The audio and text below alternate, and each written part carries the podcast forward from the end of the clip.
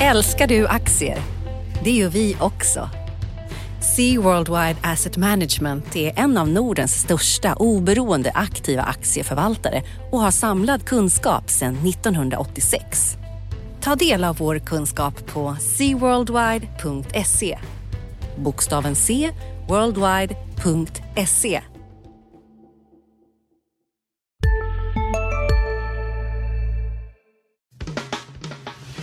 Analyspodden från Dagens Industri. Hej allihopa och välkommen till veckans avsnitt av Dagens Industris analyspodd där medlemmar från eh, analysredaktionen sitter och pratar om veckan som har varit och veckan som kommer. Och denna gång när vi närmar oss årsskiftet, även om vi ska ha ett, eh, en analyspodd till här innan, innan nyår, så kommer vi nog prata lite om, eh, om året som har varit och kanske året som kommer också. Eller vad säger du Agneta som är med mig och pratar idag? Ja, det tycker jag. Eh, de kan ju inte prata om allting på nästa onsdag, så vi får väl hjälpas till med lite med det där. Men det har hänt lite denna veckan också. Vi ska prata lite makro och det viktigaste som har hänt på börsen och sen har vi väl några case vi kan bjuda på också. Det tycker jag och eh, eh lite utdelningar. Du bevakar ju bankerna för, för tidningens räkning och så har vi haft en artikel här i, idag faktiskt eh, om, om, eh, om bolag ska dela ut pengar eller inte, vad som är bäst för aktieägarna. Men ska vi börja eh, göra en top-down-analys som man säger i branschen. Det vill säga att vi börjar med makron och så går vi ner mot mikro sen då. Eh, det viktigaste på makrofronten, det är det eh, stödpaketet som kanske inte blir av eller är det coronaeländet eller vad tycker du är liksom de hör väl ihop. Eh, på corona var det, ställde väl till oreda här nu i helgen när det satte ny fart, när man upptäckte det här viruset i Storbritannien som är mycket smittsammare, som gör att man igen stänger ner gränserna. Eh, och även vi eh, stoppar ju tillfälligt flyg från Storbritannien och vi har ju inreseförbud för britter som vill åka till Sverige. Och vi har även stängt mot Danmark så att inte danskarna ska åka till Malmö och shoppa. Ja, det är, eh, det kom lite som en blixt från en klar himmel för vi hade ju en jättebra börs och börsen är, väl, är ju en väldigt bra, ska vi säga, eh, känslighetsinstrument här och november var en fantastisk börsmånad då var det corona-eufori och sen så kom den här, jag vet inte vilken våg man ska säga, tredje vågen, men det här muterade coronaviruset från eh, Storbritannien och så, och så var det lite, lite, lite oroligt igen. Ja, och sen har man ju pratat länge om det här med det här stora stödet som ska komma i USA som har skjutits upp ett par gånger och sen nu röstade man igenom det här i måndags kväll i både senaten och kongressen. Ett paket som ger då 900 miljarder dollar i stöd. Bland annat så får då varje amerikan ska få direkt 600 dollar utskickade till sig, typ 5 000 kronor. Och sen ska man ge mer lån till företag och man ska finansiera vaccindistribution. Och sen får de som har a-kassa få extra tillskott på 300 dollar i veckan. Och det är liksom, allt det där var ju klart. Det var bara en liten hake att Trump måste skriva under. Och vad tror du hände då? Det är ingen liten hake att Trump ska skriva under. Det kan vara ett helt berg. Och nej, han, han har ju faktiskt eh, gjort ett eget tv-program får man väl säga här under natten. Eh, eh tio minuter långt eh, eh mm, tv-inslag där han förklarar att han inte kommer skriva under eftersom det är alldeles för lite pengar. Eh, han summerar kongressens förslag så att säga på till 600 dollar per, per person men han vill ha 2000 dollar plus att han tyckte att, att hela det här paketet innehöll massvis av grejer som han inte gillade. Så helt plötsligt har vi ju en liten osäkerhet där mitt, också mitt i en marknad när, när eh, här i mellandagen eller mellan jul och nyår. Så det kan ju bli stökigt för det innehåller ju faktiskt, det där förslaget innehåller ju hela nästa års budget. Det, och det hade man nog inte riktigt räknat med, för det som kan hända där ju är att alla amerikanska myndigheter då får stänga ner här i mellandagarna eftersom de inte har någon budget och några pengar inför nästa år. Sen kommer ju sån här liksom, systemviktig verksamhet att vara igång, men det finns ju mycket oklarheter hur det här kommer att drabba om statsapparaten stänger ner. Och det här med att finansiering till vaccinen, kommer det då inte finnas några pengar att skicka ut vaccinet nu när det kommer att bli bråttom? Så det, det är mycket, mycket mer än de här 2000 dollarna. Och det är lite konstigt eh, för Republikanerna är ju de som vill hålla i pengarna annars. Här gör ju Trump lite tvärtom. Så att det finns många frågetecken i det här. Ja.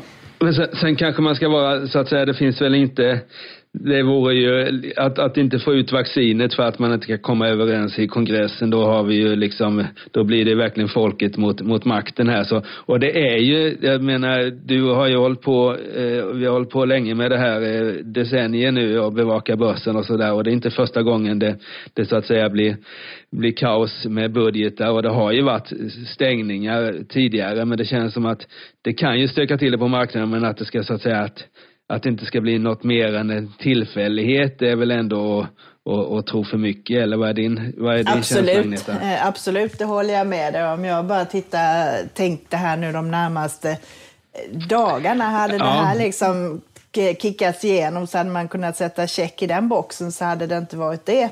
Nu lägger det ändå lite osäkerhet vad, vad kommer att hända här. Sen vet vi Biden kommer ju tillträda 20 januari så det är liksom Eh, Eh, det blir ju av förr eller senare i alla fall. Ja, så blir det. Och, och corona, eh, senaste på coronafronten då, vad är det vi ska, det finns en del som, en del svenskar som kommer få sin första, eller som kommer få sin första, första vaccin, ja den 27 och i USA har man redan börjat, för att inte tala om Storbritannien och sådär. Eh, Joe Biden har redan, eh, har redan fått ett vaccin, eh, såg jag någonstans.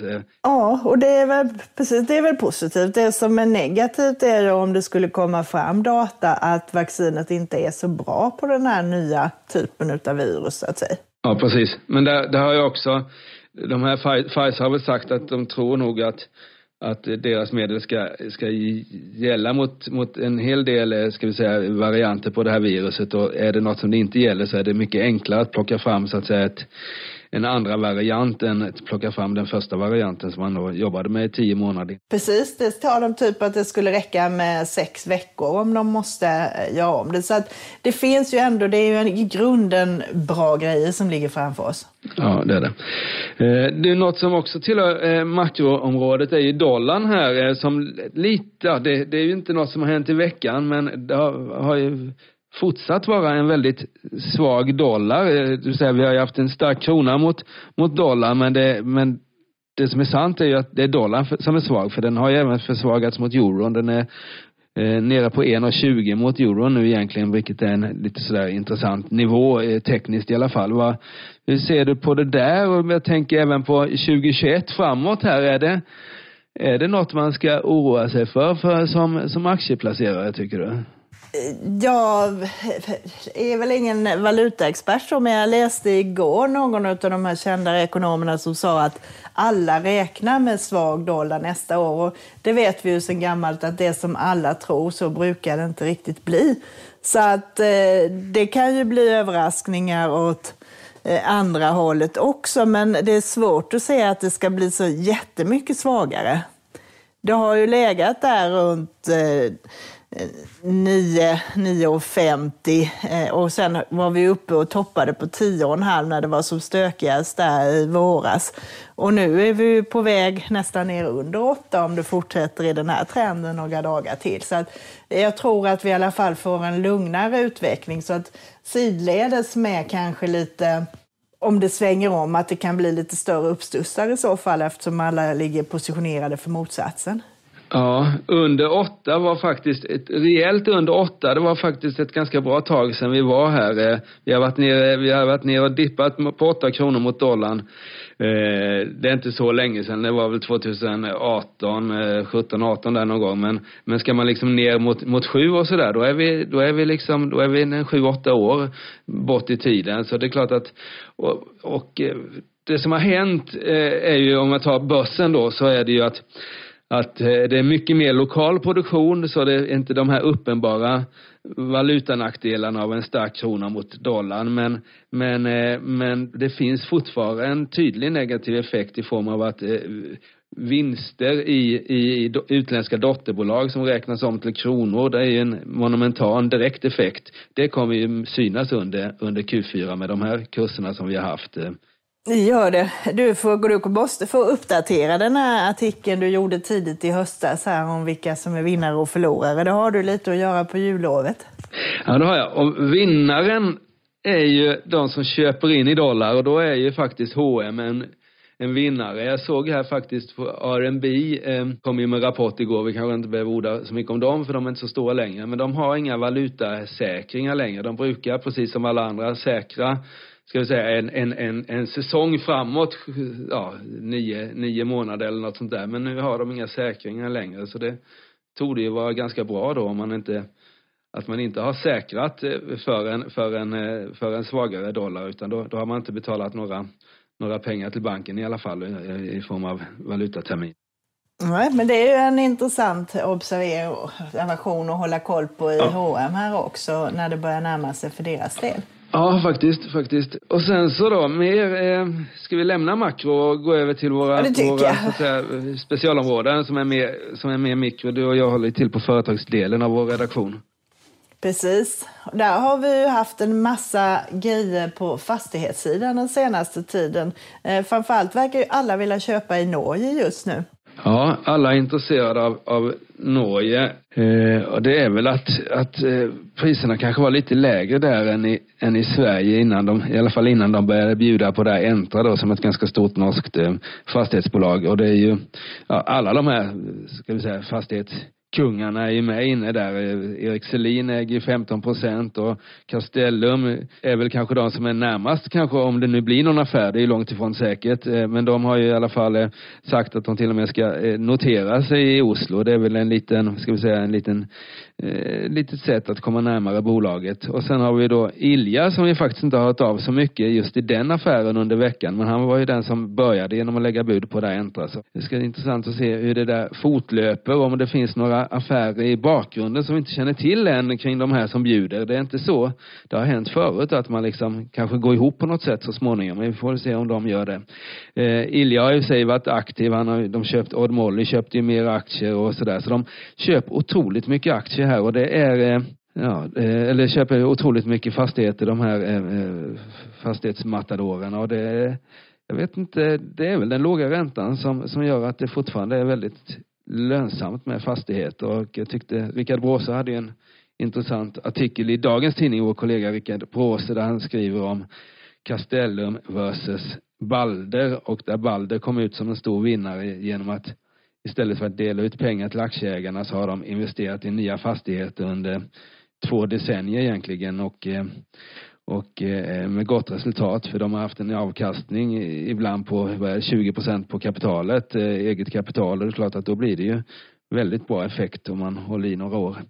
Men jag vet inte hur du ser på, för du har ju också skrivit om utdelningar och du bevakar ju banker och där är ju utdelningar en, en kärn kärndel i en, en så att säga investering eftersom de delar ut, inte i år då, men eh, normalt sett delar ut ganska bra med pengar i förhållande till börskursen. Hur ser du på ja, dels bankernas utdelning och sen utdelningar generellt? Precis, det är ju lite varierar lite. Kan man avkasta bättre i bolaget och det är billigare eh, så bör man ju ha kvar pengarna om man har bra investeringsmöjligheter så att säga. Och, så det har väl Bråse helt rätt i och det ser vi ju på de här tillväxtbolagen som ger försumbara eller inga utdelningar alls, som har en affär som växer väldigt mycket eller man kan göra förvärv, då är det väl smart att hålla i pengarna. Men alla bolag gör ju inte riktigt det. Och bankerna ser jag nästan som lite som en hybrid mellan aktier och eh, obligationer där du inte har den här typen av tillväxt och där förvärvsmöjligheterna är ganska begränsade. Eh, och då är, tycker jag det är en bra idé att eh, skifta ut pengarna till aktieägarna, framförallt så att de kan ställa upp om det behövs kapitaltillskott och sådant igen. Så att eh, där tycker jag att det är en viktig pusselbit och det har vi ju märkt, inte minst i år då när det har varit förbud att dela ut pengar både från ECB och Finansinspektionen Eh, hur bankerna har drabbats av det här. Så att eh, där tycker jag det är motiverat men det är inte solklart att alla bolag ska dela ut så att säga. Och väljer jag själv aktier så är inte direktavkastningen den viktigaste parametern kan jag säga. Nej det är det inte och jag håller med dig. Just banker, alltså banker eh, kan ju växa hur snabbt som helst de vill. Det är bara att så att säga gå längre ut på riskkurvan och erbjuda lägre, lägre räntor och, från, eh, än, än konkurrenterna så kommer ju omsättningen öka ganska mycket men då tar man ju en, en större risk och en bank, åtminstone inte en stor, en stor bank av de här fyra stora sista dagarna nu på vårens stora season sale. Passa på att göra sommarfint hemma, både inne och ute. Och fynda till fantastiska priser. Måndagen den 6 maj avslutar vi med Kvällsöppet i 21. Välkommen till Mio. Med en värld i gungning blir det viktigare än någonsin med kunskap och diskussion. Att värna det fria ordet, för livet och demokratin. Så när du trodde att du visste allt, har vi alltid lite till. Privata affärer plus allt. All journalistik du behöver, samlad. Prova en månad gratis bankerna vi har, de ska ju inte växa. Det är nästan, nästan, man skulle bli nervös om de börjar växa liksom eh, två, tre gånger mer än BNP för då vet man att, att, eh, att de så att säga stretchar det här. För eh, små nischbanker kan ju växa mycket genom att ta marknadsandelar och nya produkter men de stora bankerna ska liksom inte växa, ska inte vara några tillväxtbolag utan det ska ju vara trygga, trygga, trygga verksamheter och därmed trygga aktier och då ingår det i den tryggheten att man har ett bra, bra vinst och bra kassaflöde som man kan dela ut. Ja, ganska mycket, inte hela vinsten kanske, men, men stora delar i alla fall. Och nu kom det faktiskt lite goda nyheter. Först i början av förra veckan så var ECB kom ju med ett tråkigt besked. Man, man lättar upp de här utdelningsreglerna men däremot var man så snål i vad man kan fördela ut. Man sa att antingen kan de fördela ut utav Eh, 15 procent av den sammanlagda vinsten 2019-2020. Men det får inte vara högre än 20 punkter utav kärnprimärkapitalrelationen. Och eftersom de flesta människor inte vet vad det är så sa det inte så mycket. Men det blir ganska lite pengar. Skulle man tillämpa den regeln typ på SEB så skulle de få dela ut, om 2020-prognosen håller, skulle de dela ut typ 70 öre. Och då blev man ju lite besviken och aktierna gick ju ner. Och det gäller ju alla bankerna. Det blev en liten, liten slant om de skulle gå på den regeln.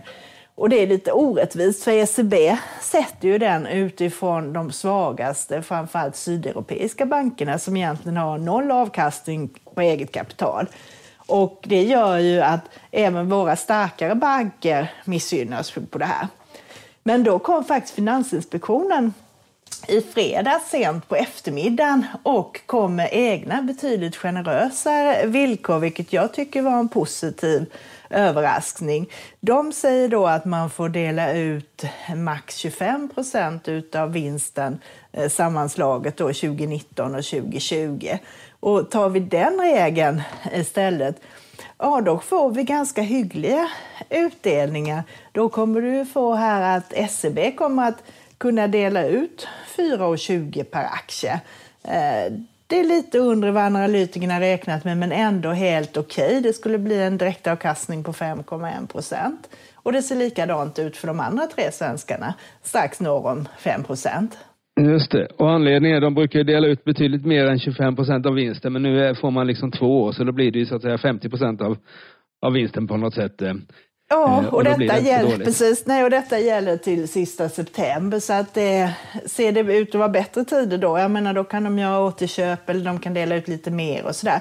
Så den som blir lite förlorare i den här, det är ju Nordea då som eh, får hamnar i ECB-facket och får bara dela ut lite. Så räknar man på Nordea så ja, en direktavkastning på 1,4 procent, så det är inte jättemycket att hänga i julgranen, utan där får man ha tålamod till hösten i så fall. Och sen är det lite orättvist för jag säger också att amerikanarna är mycket generösare mot sina banker. De får börja göra återköp redan nu efter årsskiftet. Så där har ju flera storbanker redan gått ut och talat om hur mycket de tänker köpa tillbaka. Eh, men då får de göra max ett snitt utav snittvinsten de senaste fyra kvartalen. Så det är ju större belopp också. Ja, ja, så lite absolut. orättvist är det för oss här i Norden. Mm. Mm. Lite så, och speciellt orättvist för då Nordea som, som är i Europa på ett annat sätt än de andra. Nästa vecka är ju, av förklarar själv med tanke på att det är mitt emellan jul och nyår, en ganska, ganska eh, händelsefattig vecka som det ser ut nu i alla fall. Sen kan det dyka upp massvis av stora affärer. Men om vi väljer istället, Agneta, att titta fram inför 2021 nästa år. Vad, är, vad tror du vi kommer skriva om då? Eller vad tror du är intressant? Och vad är det som avgör huruvida börsen blir ännu ett plusår som du ser det? Ja, framförallt vinsterna kommer ju avgöra om börsen kommer att bli plus eller minus och där ligger det ju ganska bra. De flesta räknar med ganska höga vinstökningar nästa år, 15 till 25 procent beroende på vad man tittar. Men jag tror också att det här med hållbarhet och ESG kommer att fortsätta vara riktigt hett nästa år, kanske till och med accelerera. För nu i dagarna var remisstiden slut för det här EU-förslaget om taxonomin, deras klassificering då utav alla bolag, vilka som ska räknas som hållbara, vad de måste göra, hur det ska se ut och sådär. Och det kommer göra att bolagen ännu mer kommer att fokusera på det här. Och jag tror att eh, de bolagen som nu har varit sådär uppenbara hållbarhetsvinnare, som då Vestas och Tomra och Nibe och sådana här, börjar värderingarna bli så höga så att förvaltarna måste helt enkelt börja titta eh, och leta upp nya. Och då tror jag man tittar på nästa liksom, case, sådana som faktiskt är bra bolag men som kanske också kan få en liten hållbarhetspremie. Så det tror jag, jag kommer att försöka leta efter sådana. Och har du redan hittat nu någon, någon redan nu som du, som du tror kan vara intressant eller som du skulle vilja titta mer på i alla fall? Eller? Ja, ja, precis. Det här bussbolaget Nobina har jag tittat på förut. De drabbades ju väldigt hårt i våras när eh, kollektivtrafiken bromsade in och folk slutade resa. Sen har de förhandlat om avtal. De har vissa incitamentsavtal där de får betalt på hur många som åker så att säga. Och där har förhandlats om och de har grejat med det här så att nu är de i fatt. Så att det ser ut som om året kommer att bli eh, omsättningsmässigt i linje med fjolåret och vinsten kanske till och med lite högre. Och det, det, kommer att påverkas dels för att de själva jobbar med hållbarhet och ska ha mer elbussar och mer hållbart bränsle och så där.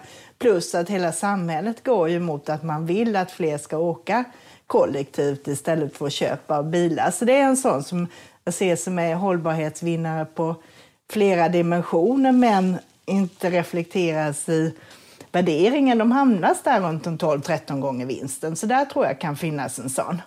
Och sen har jag det här med Sona som jag skrev som veckans aktie. De håller ju på med eh, framförallt växtbaserade livsmedel eller hälsa och såna här grejer. Eh, och det är ju också en sån här trend. Eh, bland annat bygger de ut en fabrik nu i Spanien som tillverkar sån här vegetabiliskt kött. Du kommer kanske ihåg de här Beyond Meat. Ja, eh, Nu är det bara 10 procent av deras omsättning men det är ändå något som växer mycket snabbt. Eh, plus att de har ett sortiment som är 60% ekologiskt och det växer mycket också. Så att det är ett sånt här bolag som eh, jag tror också har en chans att kunna få... De har redan börjat värderas upp en del och de handlas ungefär till eh, 25-26 gånger vinsten Eh, för i år. Nästa år kommer den ner till 19, men de har legat där runt 25. Så att eh, tittar man på att de kan hålla den multipeln framöver också, då får du ändå en riktkurs på 90 kronor idag och ligger den i 75. Så att där tycker jag också finns en chans till uppvärdering. Men vad har du för grejer? Vad tror du på inför nästa år? Då? Ja, det där är ju det där är ju en, en spännande fråga. Det, det, det beror ju på väldigt mycket med, med, med pandemin och sådär. Men om vi, om vi liksom utgår ifrån att att, eh, vi, att, att vi tar koll på corona i, i stort sett i alla fall, att vi blir immuna då genom vaccinet. Då ska man ju ha de aktierna som steg i november för då kommer den här återgången så att säga där, där, eh, där allt normaliseras, där de här tillväxtaktierna som drog jättemycket spelbolag och annat mitt under coronapandemin kommer komma ner i värde medan de stora förlorarna eh, Eh, kommer så att säga återhämta eh, ännu mer av sina tapp. Eh, det är väl så man ska se det. Plus att eh, då tror jag också vi kommer ha en betydligt bättre världshandel, att det börjar rulla igång igen och då ska vi väl ha ska vi säga, klassiska konjunkturbolag, eh, eh, verkstadsbolag och sånt där om man ska liksom prata branscher. Jag tror också i ett sånt läge att bankerna kommer vara Eh, tillhöra vinnarna eftersom de har gått så dåligt i år och då kommer så att säga de kommer tillhöra de här återhämtningsvinnarna plus att eh, eh de här eh, kreditförlusterna som man reserverade för under, ja, framförallt andra kvartalet var det väl, men även en del tredje kvartalet kommer reverseras och resultaten kommer se ganska, eller riktigt bra ut för bankerna. Så det är väl två sektorer jag tror på. Sen, sen är det mycket, mycket stockpicking och det är svårt att säga, men mycket av det här intressanta tillväxt, tillväxtaktierna har ju faktiskt gått väldigt, väldigt bra i år, nästan lite för bra. Så jag tror att det är lite mer bank kanske framför allt och sen lite verkstad. Ja, jag kan väl absolut hålla med dig om det. Har vi tur då så kan det bli en riktigt härlig bankhöst. För har då det värsta med coronaeffekter blåst över och man vet lite mer om vad kreditförluster landar på, då kan man ju få som du säger att man börjar lösa upp de man redan har satt av. Och får man dessutom då börja dela ut så kan du få en riktigt eh, trevligt tredje kvartal där. Ja. Ja, så är det. Och sen så får man väl alltid in en brasklapp och det är ju det här att eh, vi skrev ju för ett tag sedan om, om eh, Fed och, och, böter och sånt där som kan stöka till det på, på kort sikt och de här penningtvättsgrejerna som, som eh, men som sagt var värderingarna är låga. Eh, blir det inte allt för stora, stora, stora sådana krångligheter så bör ju bankerna ha det ganska bra. Dessutom så eh, är de ju väl så småningom en digitalvinnare. Jag vet, du kan säkert om betydligt bättre än mig, men hittills har de ju varit en digital förlorare lite grann för det har kommit uppstickare som har skurit, tagit eh, marknadsandelar. Inom aktiehandel har ju Avanza och Nordnet tagit stora marknadsandelar, men, men även på andra områden. Eh, vi har Klarna och alla de här eh, fintechbolagen, men men i ska vi säga, andra vågens digitalisering, om man nu kan prata om det, det är säkert tredje, fjärde eller femte eller sjätte vågen, så bör ju då eh, bankerna kunna minska kostnaden ganska dramatiskt eh, när vi inte besöker bankkontor. Nu har vi inte besökt bankkontor av coronaskäl men, men vi kommer ju ännu mindre eh, besöka bankkontor och då kan de spara in mycket kostnader både på lokaler och personal.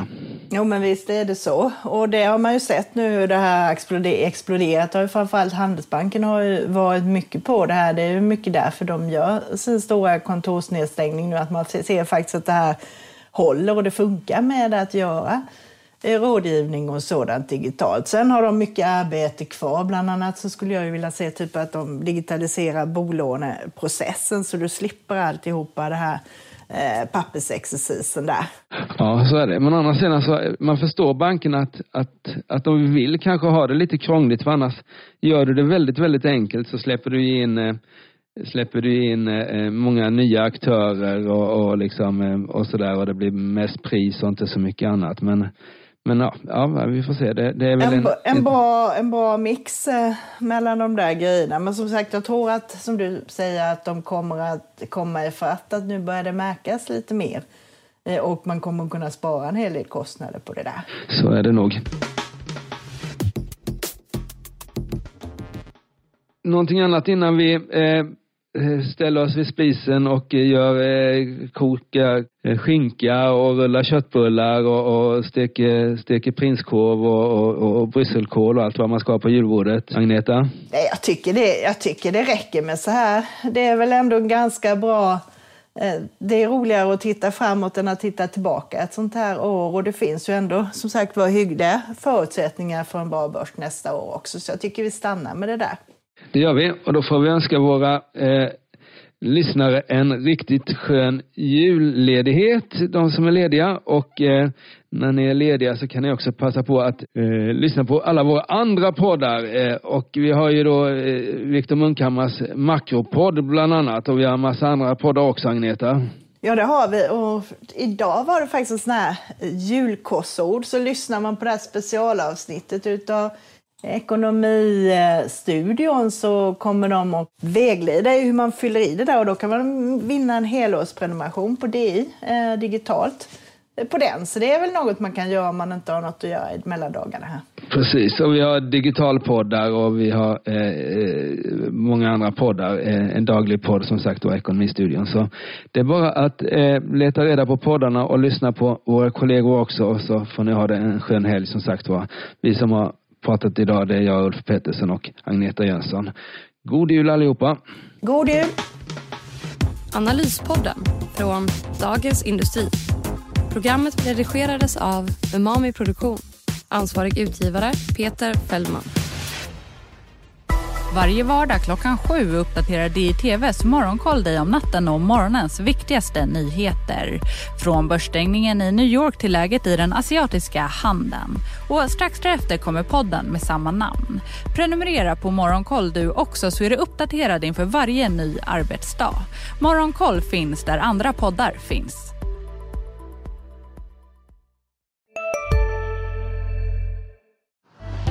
Älskar du aktier? Det gör vi också.